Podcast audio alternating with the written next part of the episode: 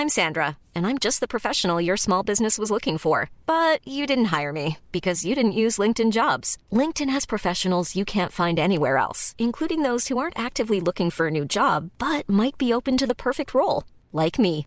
In a given month, over 70% of LinkedIn users don't visit other leading job sites. So if you're not looking on LinkedIn, you'll miss out on great candidates like Sandra. Start hiring professionals like a professional. Post your free job on linkedin.com/people today. Mom deserves the best, and there's no better place to shop for Mother's Day than Whole Foods Market. They're your destination for unbeatable savings, from premium gifts to show-stopping flowers and irresistible desserts. Start by saving 33% with Prime on all body care and candles. Then get a 15-stem bunch of tulips for just $9.99 each with Prime. Round out Mom's menu with festive rosé, irresistible berry chantilly cake, and more special treats. Come celebrate Mother's Day at Whole Foods Market. Planning for your next trip? Elevate your travel style with Quince. Quince has all the jet setting essentials you'll want for your next getaway, like European linen, premium luggage options, buttery soft Italian leather bags, and so much more. And it's all priced at 50 to 80% less than similar brands. Plus, Quince only works with factories that use safe and ethical manufacturing practices.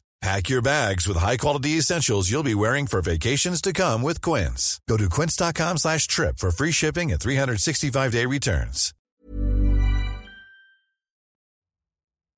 Ansvar och frihet. Visst låter det härligt? Att tro på människor, att aldrig tvinga, det är ju sånt som vi vill skriva under på. Men behöver man aldrig kontrollera varandra? Ja, det är frågan. Och handlar ansvar då också om att kunna acceptera att man inte längre behövs? Och glatt kunna gå på dagen då, som man gör på amerikanska Netflix. Och det här med ansvar, betyder det att vi ska ta hand om varandra? Eller handlar det bara om ansvar för något vi levererar på jobbet? Ja, det finns mycket att fundera på där och idag ska vi referera till dels två olika bolag, Netflix, amerikanskt, Netlight, svenskt. Vi ska prata om kultur, ansvar och frihet. Välkomna!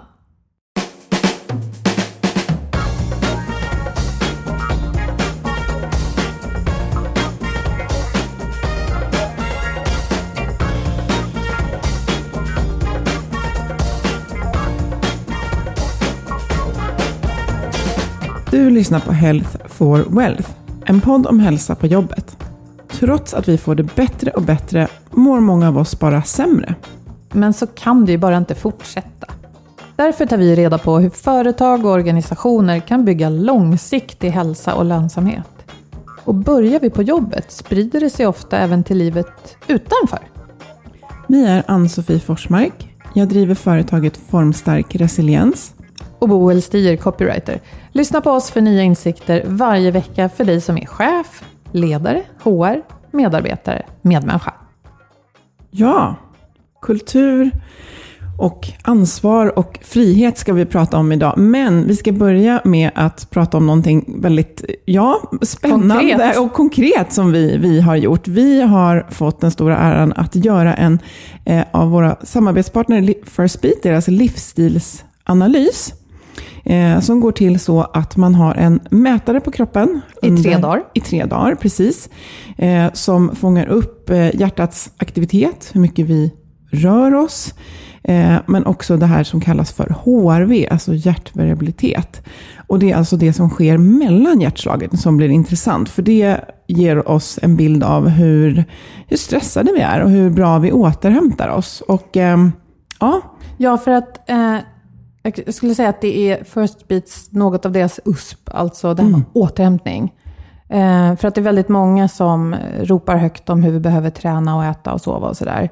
Eh, men jag tycker att det är väldigt klokt att de fokuserar på återhämtningen, för att om vi gör det så får vi in, eh, då får vi hjälp med mycket av det vi behöver.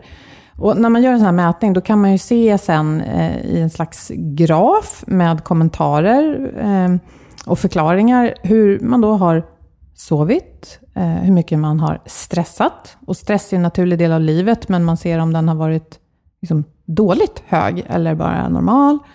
Ehm, ja, vad ser man mer Annie? Nej, men man, man, man ser just att det kan vara mycket stress, men man ser också om det finns tillräckligt med återhämtning. Och det jag tyckte var väldigt intressant är att det, det är också en graf som följer, har min energi under de här dagarna, eller återhämtning och kraft och energi i kroppen ökat eller har den minskat? Alltså är min återhämtning under den här perioden tillräcklig? Mm. Det, min hade sjunkit hela tiden. Ja, vi, vi, det var väldigt intressant. Min ökade. Men vi ska, vi ska återkomma till det. Men just att vi kan berätta hur det går till. Så att man får hem den här mätaren med posten. Man sätter på den på kroppen.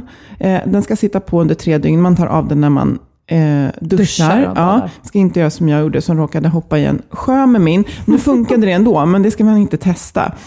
Eh, don't try this at home. Don't try this at home. Och sen så, man får ett förfrank markerat kuvert, man skickar tillbaka den och sen så blir man ombedd att boka in en tid för återkoppling. Och innan man gör mätningen så fyller man också i en väldigt enkel eh, frågeformulär på nätet som ger en indikation. Eh, på hur man själv ser ja. på, på det här med återhämtning och hälsa. Precis, och sen också även under tiden man eh, gör mätningen så ska man fylla i lite enkla kommentarer. Men klockan åtta så gjorde jag det här. Eh, och det gör också att man kan ju se då om mätningen korrelerar. Om jag sa jag var jättestressad klockan åtta, ja det syns. Liksom. Eller så här, jag vilade klockan åtta, det syns inte. Så blir ju det väldigt intressant. Mm. Eh, och eh, som sagt, man blir eh, inbokad för en, en en tid med en konsult från, eh, från First Beat.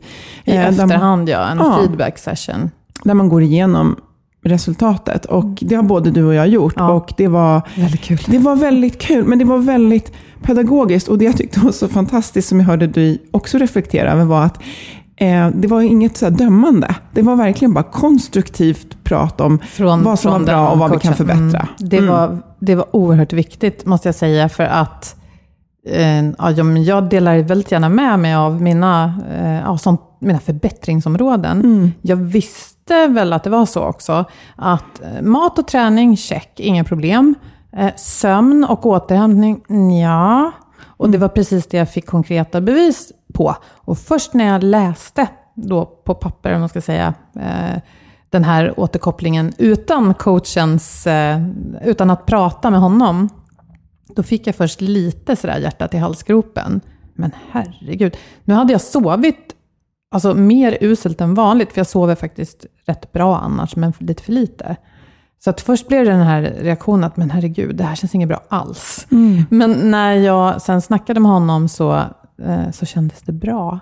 Mm. Ska jag ta lite detaljer ja, om men gör det. Vi nu? börjar, mm. med, vi börjar med, med ditt resultat. Mm. mm. Eh, nej, men för det kan ju vara obehagligt att få svart på vitt på sånt som jag menar, det här handlar ju om hälsa och liv och jag menar, plötsligt blir det så här tydligt. Om jag ska leva länge så kan jag inte fortsätta så här.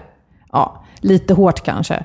Nu hör det ju till saken, och jag tänker också på den här fallande trenden jag hade, att jag blev av med energi över tiden. Det var ju tre dagar där jag började med en söndag. Så jag startade på en ledig dag. Mm. Så det är kanske inte så märkligt att, ja, att jag blev av med mer och mer energi, eftersom jag hade två långa arbetsdagar, dag två och tre. Men det var, ja, och första natten sov jag ju så uselt. Jag tror jag sov fyra och en halv timme. Och jag tror också att jag kanske tänkte på det här, jaha, nu mäter jag det här. Nej, det var inget roligt. ja, men så tänkte jag efterhand, det kanske var bra. För att det här var ju också grejer jag visste att jag mm. liksom behövde åtgärda. Och då var ju han så himla bra, den här coachen. För han lyfte fram det som var bra. Till exempel att min sömnkvalitet när jag väl sover är jättebra. Och det och där är så viktigt. Ja. Mm. och då mm. kände jag så här, ja men vad härligt. Mm. Så att när jag väl somnar så får jag ju något riktigt bra. Um, och sen då att, ja, alldeles för lite, för lite återhämtning under arbetsdagarna. Mm. Så jag behöver, trots att jag tycker att jag gör det, resa på mig oftare, ta någon liten paus sådär. Um, och sen också, jo, och så hade jag, vad var det? Eh, konditionsresultat. Man kunde välja att göra en enkel konditionstest. Och då fick jag enastående på den och då blev jag så glad. Mm. Så det här att ja, men, han, han, var duktig också på att lyfta fram det som var bra och inte döma.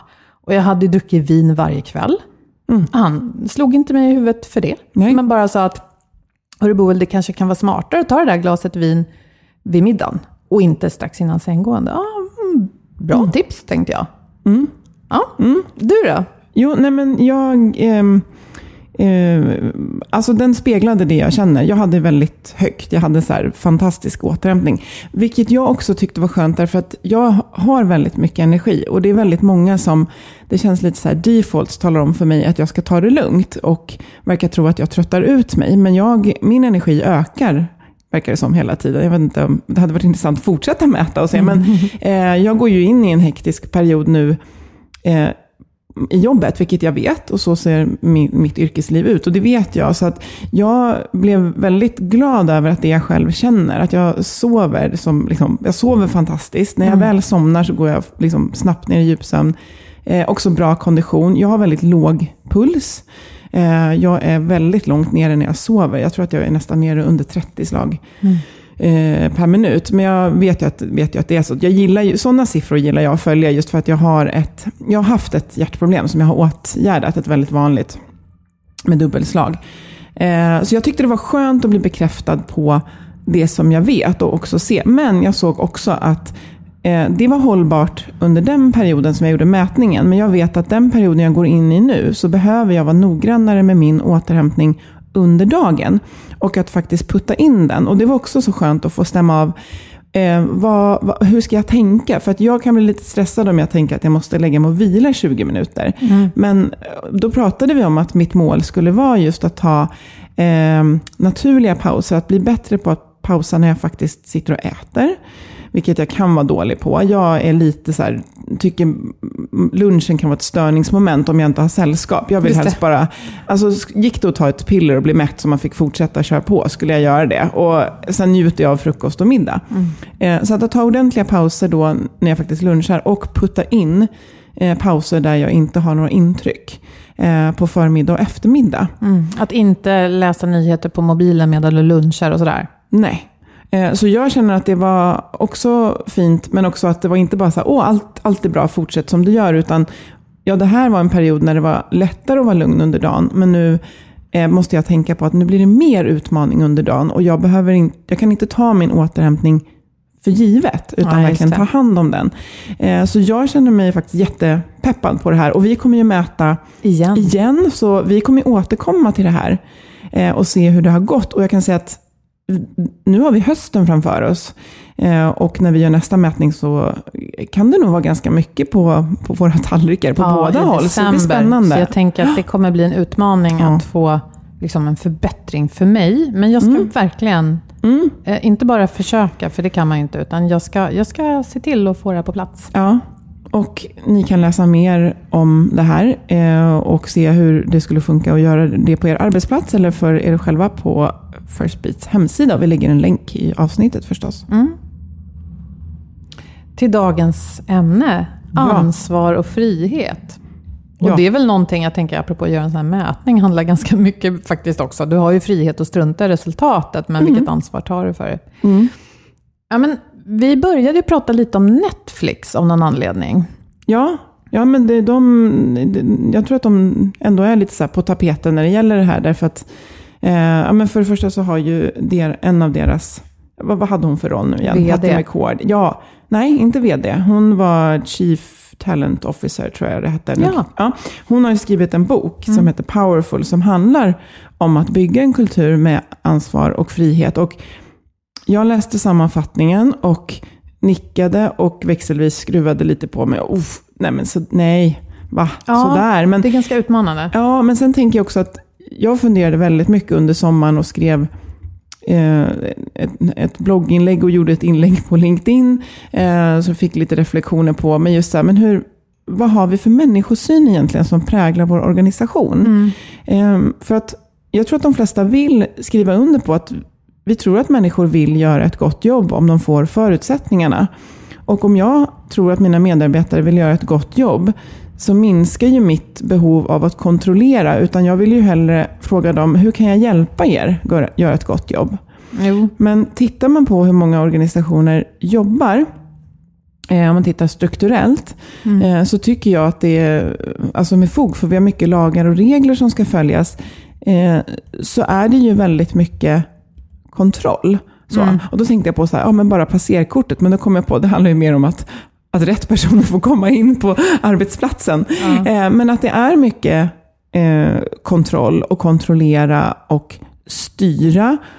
Ja, men det är, den Ja. Mm. det är det gammaldags sättet att leda, eller hur? Du, du har ett organisationsschema, så har du en styrelse, en vd, du har diverse chefer, under dem finns eh, fler människor, några av dem är chefer över subgrupper och så vidare. Mm. Eller hur? Ja, så det är vi vana vid och jag kan ju själv bli lite, lite sådär frågande när jag läser böcker och vi har haft gäster i studion som pratar om chefslösa organisationer. Jag tycker det låter jättehärligt. Ja, men det är klart vi ska liksom bjuda in alla och tro på alla och sådär. Men jag tänker så här, vem, vem kollar att man går åt rätt håll? Ja, nej, men det ska ju alla göra då. Men, för det du pratar om nu, det är en struktur där man eh, styr. Men den strukturen skulle ju, tänker jag då, eh, också kunna vara att det är en struktur, vi behöver jättemånga som är ute och coachar till att vi är på väg åt rätt håll. Eh, att, det kan, att det beror lite på vad man gör i alla de där rollerna. För att, Ja. ehm, för att citera um, alltså Tennant och partner, Torbjörn Mm, Eriksson. Torbjörn Eriksson. Alltså, vi har aldrig behövt mer ledarskap än nu, Säger han ja. säger han. Ja, precis. Och, men, men det, måste, det det är en annan typ av ledarskap. Ja, och det är även Erik Ringertz eh, från Netlight som ganska nyligen har kommit ut med en bok om hur de, eh, eh, hur de har jobbat och hur, hur deras syn på ledarskap och kultur har utvecklats genom åren. Den heter Faster, Harder, Better, Stronger. Ehm, eller de orden, Ja. någon ordning. Jag kan ha sagt dem fel nu.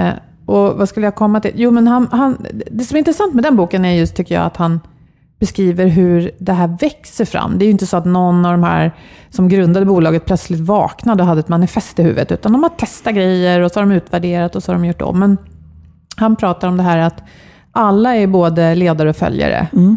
Eh, och att alla har ett ansvar för att se till att man rör sig i rätt riktning. Och då behöver ju det vara väldigt tydligt. Och det måste ju också komma någonstans ifrån. Ehm, och det är klart, då kan man ju ha jättestora sessions där man tillsammans kommer överens om vart man ska. Men det måste ju börja med kanske till exempel att en grundare har en idé och en vision. Men vad var det vi skulle komma nu? Jo, men det här att man coachar varandra alltså. Det blir mer och mer det blir mer och mer så, tror jag, må- på många arbetsplatser. Och det är möjligt att det till och med växer fram organiskt. Men jag tänker att man måste ju släppa på den här gammaldags strukturen så att coachandet får äga rum. Och ehm, ja, jag tänker också på att det finns väl en anledning till att det har blivit så populärt att bygga kultur. Inte bara för att vi behöver attrahera talanger idag och det är svårt att få rätt människor, men just för att eh, kultur är ju inte någonting man, man har, utan någonting man gör. Ja. Det handlar väldigt mycket om hur vi beter oss. Och när vi då har förstått att det, ja, det moderna, agila sättet att ja, inte bara leda ett företag, utan att faktiskt sälja till kunder, det är ju där det börjar. Du behöver hela tiden förändra i någon mån det du gör. Ja, då, måste, då, då funkar det inte att, det ska liksom, att verkligheten ska sippra in genom de som möter kunden och upp till en ledningsgrupp som ska sitta en gång om året och utvärdera. Ska vi göra på ett annat sätt? Utan varje medarbetare behöver kunna ta den där bollen liksom, i flykten och se, oh, vi måste ändra här. Men då måste man också ha kollegor man kan eh, diskutera det här med för att stämma av, tänker jag rätt nu? Annars blir vi bara en grupp människor där alla gör varsin individuella lösning. Det behövs ju både struktur och kultur för det. För vi behöver en kultur där jag som medarbetare, om jag är den som möter kund, vet att det är jätteviktigt att jag fångar upp behov från kunden. Jag brinner för det själv och, det finns en väg in till där beslutsfattat eller att jag själv kan fatta beslut om att förändra. Eh, men det måste också finnas en bra struktur för det, lite beroende på om inte alla sitter tillsammans i ett rum så måste det finnas en struktur för att jobba på det sättet. Och så tänker jag att det, det pratas väldigt mycket om kultur nu. Det är ju inget nytt. Kultur finns, har ju funnits hela tiden. Men den, jag tänker med den typen av, när vi har gått mer från produkt till service, alltså att vi mer liksom samskapar skapandet av det. Alltså mer, ja, men tjänster. tjänster. Ja, tjänster. Eh, så blir kulturen viktigare för att vi kanske kunde strunta i den. Ja, men bara lådan kommer ut på löpande bandet så är det inga problem. Eh, men nu är det en tjänst och den präglas mycket mer av, eh, av kultur. Och eh, kultur blir mycket, det är ju också mycket mer abstrakt. För att det, det går att göra det väldigt konkret och strukturellt och att det står någonstans. Men i slutändan, för att kolla om den stämmer, så behöver jag vara liksom, i organisationen och möta människorna som jobbar där. Eh, det är inte att kolla om det finns en policy, för det kan jag ju göra när alla gått därifrån. Kulturen kan jag bara känna när folk är på jobbet. Och om, precis, om vi backar till det vi sa att vi skulle prata om, ansvar och frihet. För, vad- vad är det för kultur som behövs då? Om man tittar på Netflix, så vi sa i början att eh, deras kulturmanifest, det är väldigt tydligt och finns att läsa på nätet, att det kan vara provocerande. Jag menar, där finns ju en massa ingredienser som vi ser på många håll, tycker jag. Det här att ja, men du ska lita på dina medmänniskor och, och man ska ha ett handlingsutrymme. Och det är sånt där som vi vet att vi mår bra av. Att vi inte är helt inträngda i ett hörn hela tiden. Eh, men sen är det också här, att när din kompetens inte längre behövs för att marknaden förändras, då får du gå. Det, och det handlar inte om att sitta och fundera på om vi verkligen kanske ändå ska ha kvar dig och betala dig en lön för att du är så härlig, utan där är det ju verkligen så här kapitalistiskt, hårt. Marknaden har sagt, vi behöver inga Java-programmerare eller vi behöver inga eh, hälsomanagementkonsulter. Hej då Annie! Och den eh, tycker jag är lite mm, Den är störande. knivig. Den är knivig. Mm. Därför att precis, för där blir det att, ehm, och det här bygger också på det resonemanget som Patty McCord eh, Eh, skriver om i boken. Att eh, det är därför att vi väljer att se det som att du är här Boel, för att du är Java-programmerare, inte för att du är Boel. Och vi ser det inte som vår uppgift att om vi inte behöver Java-programmerare så tittar vi på dig Boel och säger, finns det någonting annat du skulle kunna göra hos oss? Kanske börja jobba inom HR? Utan nej, det är inget personligt, utan det är bara att vi behöver inte dig just nu, så du försvinner. Att de har verkligen valt att hålla den linjen hela vägen. Ehm, och vi lyssnade på en intervju med henne där hon också berättade om någon som liksom satt och grät. Och, bara, men, och hon var bara, men torka tårarna och gå. Liksom. Din roll behövs inte här längre. Du är helt fantastisk på det du gör. Du kommer Gör kunna göra det någon annanstans. annanstans. Och, och det, jag tycker det här är så, här, det här är så intressant att liksom prata om. För det, det, det känns inte bra i magen samtidigt som när man tittar på deras resa och utveckling eh, där deras produkt har liksom genomgått några stålbad för att etableras på marknad eh, så kan man förstå det logiskt. Men känslomässigt tycker jag inte det känns bra. Men jag är kluven. Därför att det finns en ärlighet i det som jag gillar. För någonstans är det ju så att ibland när vi snackar om kultur, att det är så härligt här hos oss och vi tar hand om varandra och vi är en familj, så kan det ju finnas något av en liten lögn i det. För den dagen marknaden inte längre vill ha de tjänster man säljer, då står alla där utan jobb. Och håller familjen ihop då? Ja, det vet du sjutton. Och ibland är det ju så att någon inte längre behövs i sin yrkesroll. Nej. Och det är lite grann som vi pratade med Frida Lund i avsnittet om, om hur che- chefer håller över tid och cirkulärt ledarskap. Att, ehm, eh, jag tror att hon tog ett exempel, om det var en advokatbyrå eller något sånt där, där de sa så här, här, här kan du göra fantastisk karriär, här kan du tjäna massor med feta stålar, du kommer få jobba häcken av dig. Glöm work-life balance när du jobbar här. Japp. Och det är ju ärligt åtminstone. För jag tror att ibland kan vi bli stressade och må dåligt för att vi säger att vi har work-life balance. Och här har vi ju en sån härlig kultur, men så är det inte så i alla fall. Nej, jag brukar prata om det där gapet, att man måste stänga det. Eh, och då kan det vara att man får framstå som lite tuffare och lite hårdare och lite otrevligare. Men tydligheten ger ett lugn, för det värsta som finns är just det här att vi, vi säger att här har man möjlighet att skapa work-life balance. Men hela affärsmodellen bygger på att vi har människor som kommer in och jobbar HE av sig. Liksom. Ja, och, att man ska vrida ja. ur dem som disktrasor och Ja. öka effektiviteten hela tiden. Nej men precis, så ärlighet och transparens är en ganska bra grej. Och vi vet ju också det här att chefer, de bör visa sårbarhet. För då fattar jag som medarbetare att jag kan sänka garden och våga visa när jag är svag. Och där börjar vi bli både produktiva och kreativa. Ja, och bygger tillit, vilket är en förutsättning för att kunna ge ansvar. Men jag tänker, eh, de hade åtta stycken grundpelare. Vi ska inte rabbla alla åtta, men jag tänker att de är ganska...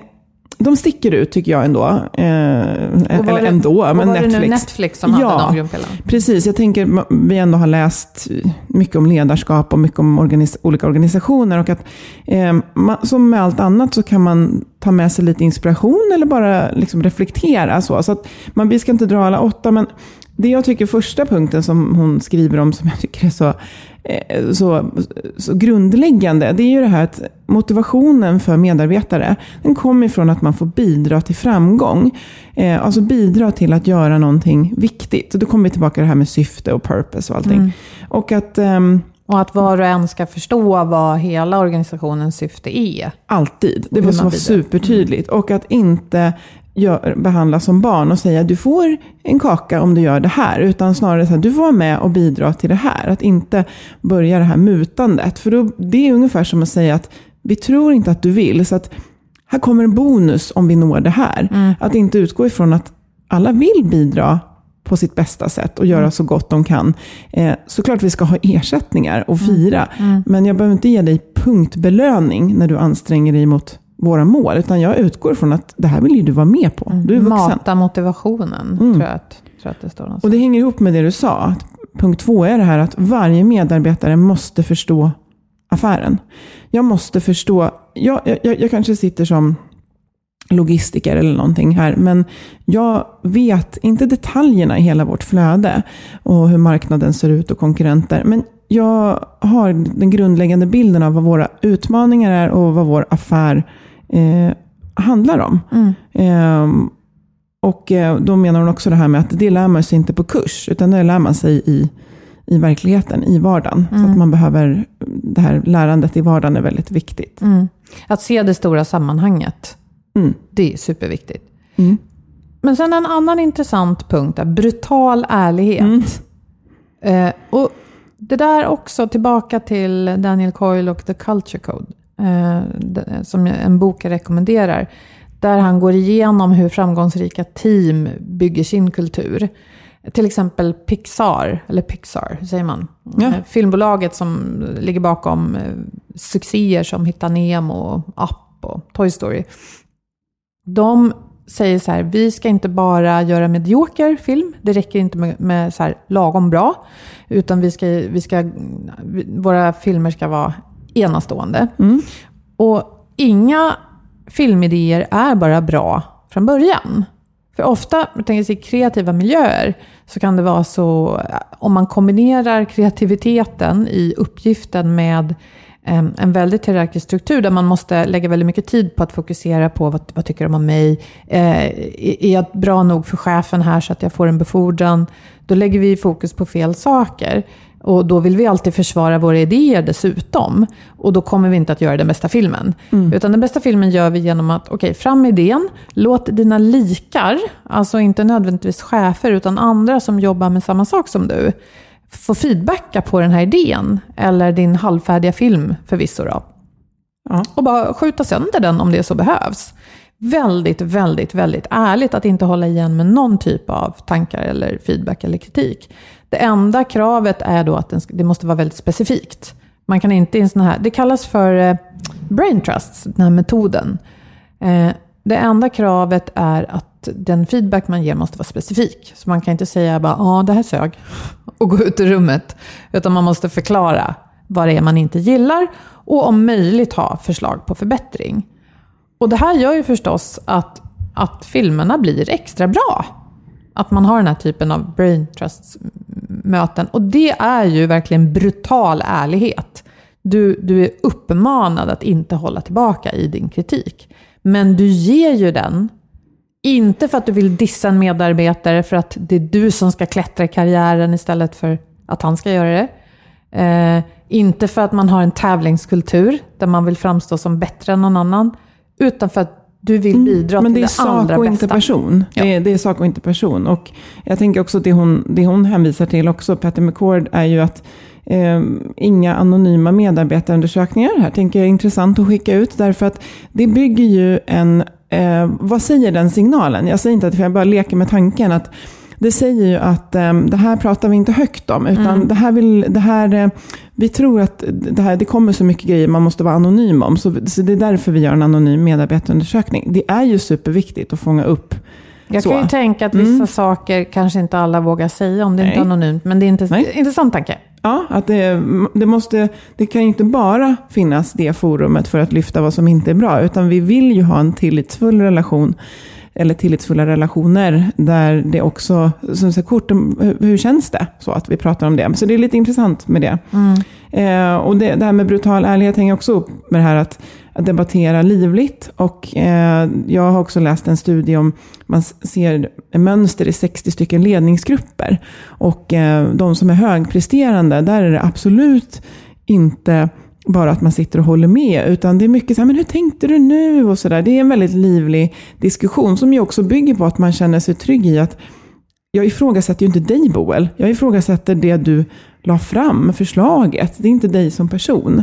Eh, och det har man sett i de här ledningsgrupperna, att där det sker sådana öppna diskussioner och livliga debatter, där, eh, där går det också bra. Och mm. eh, hon ger ju något exempel där när två chefer är osams om någonting och då får de sitta framför en panel och så får de debattera för varandras sak för att verkligen sätta sig i mhm. varandras för den andres. skor. Ja, så jag får ta din, du är emot kärnkraft, jag är för. Så får jag, det här gjorde vi i skolan, så mm. det, det, var det exemplet som kom upp för mig. Att jag kände mig emot, trots mitt efternamn, och fick argumentera för. Och det gjorde så mycket för att förstå den andras resonemang. Mm. Att det är kanske lite tidskrävande, men man kan ju testa någon gång. Att mm. Hur skulle det vara om vi pratade för det vi inte tror? Ja. Men, men just det, att skapa forum för att ha väldigt livliga och och på riktigt debatter. då mena mm. att man får utmana alla, även liksom den högsta chefen. Att det inte gör att du blir avskedad. Eh, nej, men, utan att det faktiskt uppmuntras. Det för annars så säger man ju gärna, ja här är det högt i tak. Men hur ofta är det det på riktigt? Mm, och det där har jag stött på och det är jobbigt. När det, när det, för det lyfter ju många, att det pratas om att det är högt i tak. Och så upplever man inte det. Och det kan stressa mer än att bara säga, ja vi har ju problem med att säga som det är. Mm. Huff, då sjunker axlarna kanske och så kan man bara prata om hur man ska jobba med det. Men det är återigen då till det som du kallade stänga gapet. Vi måste ju beskriva verkligheten som den är. Mm. Och ja, återigen då, är det så att du får gå på dagen när du inte längre behövs, ja, då får du göra det. Men då är det väl väldigt viktigt att förstå att det inte är kopplat till att du utmanar cheferna. Nej, det, det, tack, tack för det, men din ja. roll behövs inte. Det är snarare så att du kanske blir befordrad på grund av det, jag vet inte. Ja, eh, men, och, och, alla de här bitarna vi tar upp är viktiga delar i att kunna ha en kultur med ansvar och frihet. Sen eh, så, så blir det lätt ganska extrema exempel när man tar eh, Netflix. Eller så tycker man inte det, det beror på vart man, vart man står i sitt ur, ur utgångsläge. Men mm. de pratar också om det här med, med obevekligt fokus framåt. Och det är inte bara på deras produkter utan också personal. Att, att vi, vilken personal behöver vi, alltså vilken kompetens behöver vi om sex månader, om ett år? Att det är det som är eh, fokus. Och att man pratar om att man bygger ett team. Man bygger inte en familj. En familjerelation, den säger man inte upp. Ett team, det är dynamiskt då utifrån behovet framåt. Och det var här vi kom in på det mm. där med att det kändes väldigt hårt. Ja, hur kan man är det okej okay att olika organisationer liksom ser på det på olika sätt? Eller finns det ett rätt och fel här? Att man ska eh, försöka, liksom, men ditt jobb håller på att bli eh, uppätet av en dator. Mm. Så att, eh, är det då min roll som organisation att men Boel, vi ska försöka hitta något annat för dig mm. att göra här. Så känner jag i mage och hjärta att jag vill och funkar inte det, ja, och samtidigt så om man ska vara där ute och, och, konkurrera och slåss och tjäna pengar så kan man ju inte bara ha en massa medarbetare som är härliga och gulliga och en gång i tiden besatt en kompetens som var bra. Eller hur? Nej. Utan det behöver, ju, det behöver ju på riktigt vara så att om du överväger att behålla någon så ska det kunna konverteras till något meningsfullt för affären då, eller mm. ja, organisationen. Annars är det ju bättre att man, man då istället guidar den till, ja men jag vet inte, det skulle ju kunna vara att det också finns en guidande funktion i hur man hittar rätt på arbetsmarknaden. Mm. Jag tänkte också på eh, det här tillbaka till punkt ett. Att om vi grundläggande vet att människor för att göra ett bra jobb mm. behöver eh, behöver känna att de bidrar och är mening, alltså gör meningsfulla saker, mm. då kan vi ju inte hitta på en, en, en nödlösning så, som, bara, som man inte ser är kopplad till det stora syftet. Utan, Men samtidigt eh, tänker jag, om du ska bygga det här teamet, även om det inte är en familj, så behöver du ha den här grundtryggheten. Den behöver ju inte vara att du ska vara försörjd i tid och evighet där och då. Men du måste ju veta att du är efterfrågad, tänker jag, både som yrkesperson och som människa. Ja, Så tycker jag i alla fall. Ja, jo, för vi mår bra när vi får ta hela oss själva. Det är så intressant. Det här Mm. är, oh, jag känner att det här är någonting vi borde komma tillbaka till. Just det Mm. här, vad, är det, vad ska vi vara? Jag tror inte någon, eller jag vet inte, liksom att ja, men här är vi som en stor familj. Jag kan få lite så här, oh, vet du Mm. vad, den har jag hemma. Och jag väljer den liksom, utökade familjen genom vilka vänner, tack för att ni finns. Liksom, Mm. så. Eh, och på jobbet så, jag vill kunna vara mig själv och när livet har hänt så vill jag kunna vara ärlig med det också. Det är jätteviktigt. Men ehm, ja, den Det, där det är inte riktigt samma, och det är samma sak som du och jag. Jag gillar ju dig stört mycket. Och det är möjligt att vår podd inte finns om, vad vet jag, tio år. Eller till och med fem år. Och det vore jättekul att jobba med dig ändå i ett annat sammanhang. Men även om det inte är så, så hoppas jag att vi är vänner. Ja, men vi har ju en sån relation, Ja. tänker jag. Ja. Men, men det är ju olika saker. Ja. Och du måste, jag tänker, fa- fast här blir jag också lite förvirrad på riktigt. Därför att, ja, vänner är en sak, därför att man kan ha många, och arbetskompisar. Men om vi pratar om kärlek som man gör i många kulturer. Du har ju den, vad heter det, exklusiva kärleken där du väljer en partner. De flesta gör så i alla fall. Och då är det ju så att du har bara en. Ska du byta måste du liksom förkasta den ena och välja en annan. Och lite så här med kompisar också, du kan ju inte träffa alla hela tiden. Nej. Så att även i, i de här relationerna som är utanför jobbet så finns det ett väljande, välja bort, välja in i livet. Eller hur? Ja, jag tänker också att vi kommer in på det här med att, eh, om man tänker på det man pratar om, att det börjar bli så på arbetsplatsen, att det, är som, det ser ut som att man är hemma i någons vardagsrum. Alltså både hur det är fysiskt är inrättat, det ska, här finns allting, det kommer mat hit, man kan spela pingis och allt möjligt. Eh, om det också då börjar prägla relationer, ja, jag har ju också mina bästa vänner på jobbet. Det blir ju, alltså då börjar ju ännu mer de här gränserna, arbetsliv, privatliv suddas ut. Sen är det ju Är det- helt fantastiskt. Jag tänker man spenderar väldigt mycket tid på jobbet. Jag menar, jag hittade min man där, så att jag är väldigt tacksam att det inte är liksom vattentäta skott. Nej, här får man inte skapa relationer utanför.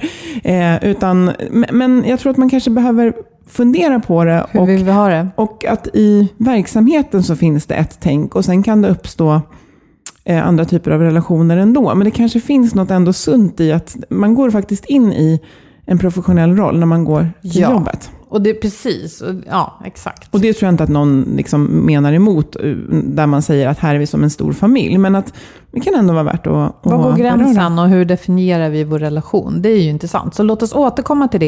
Ja. Jag tror också att vi har massor med anledning att återkomma till företagskultur. Ett Oh, ja. brännhett ämne.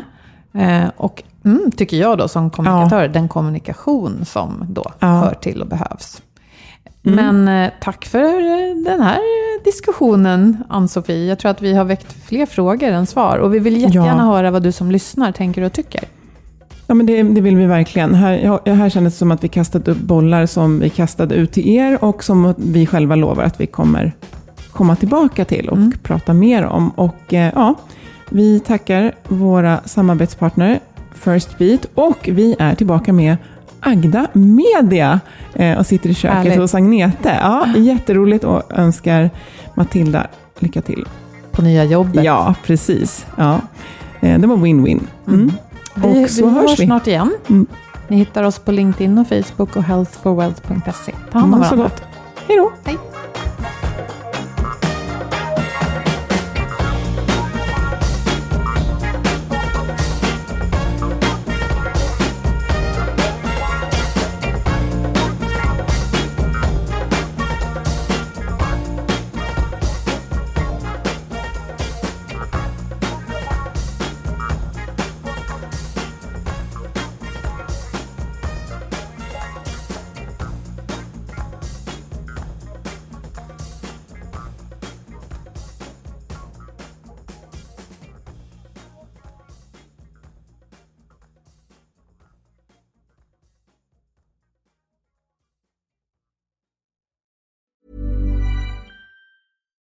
Hi, I'm Daniel, founder of Pretty Litter. Cats and cat owners deserve better than any old fashioned litter. That's why I teamed up with scientists and veterinarians to create Pretty Litter. Its innovative crystal formula has superior odor control and weighs up to 80% less than clay litter. Pretty Litter even monitors health by changing colors to help detect early signs of potential illness. It's the world's smartest kitty litter. Go to prettylitter.com and use code ACAST for 20% off your first order and a free cat toy. Terms and conditions apply. See site for details. Mom deserves the best, and there's no better place to shop for Mother's Day than Whole Foods Market. They're your destination for unbeatable savings, from premium gifts to show-stopping flowers and irresistible desserts. Start by saving 33% with Prime on all body care and candles. Then get a 15-stem bunch of tulips for just $9.99 each with Prime. Round out Mom's menu with festive rosé, irresistible berry chantilly cake, and more special treats. Come celebrate Mother's Day at Whole Foods Market. Imagine the softest sheets you've ever felt. Now imagine them getting even softer over time. That's what you'll feel with Bowl and Branch's organic cotton sheets. In a recent customer survey, 96% replied that Bowl and Branch sheets get softer with every wash. Start getting your best night's sleep in these sheets that get softer and softer for years to come. Try their sheets with a 30-night guarantee. Plus, get 15% off your first order at bowlandbranch.com. Code BUTTERY. Exclusions apply. See site for details.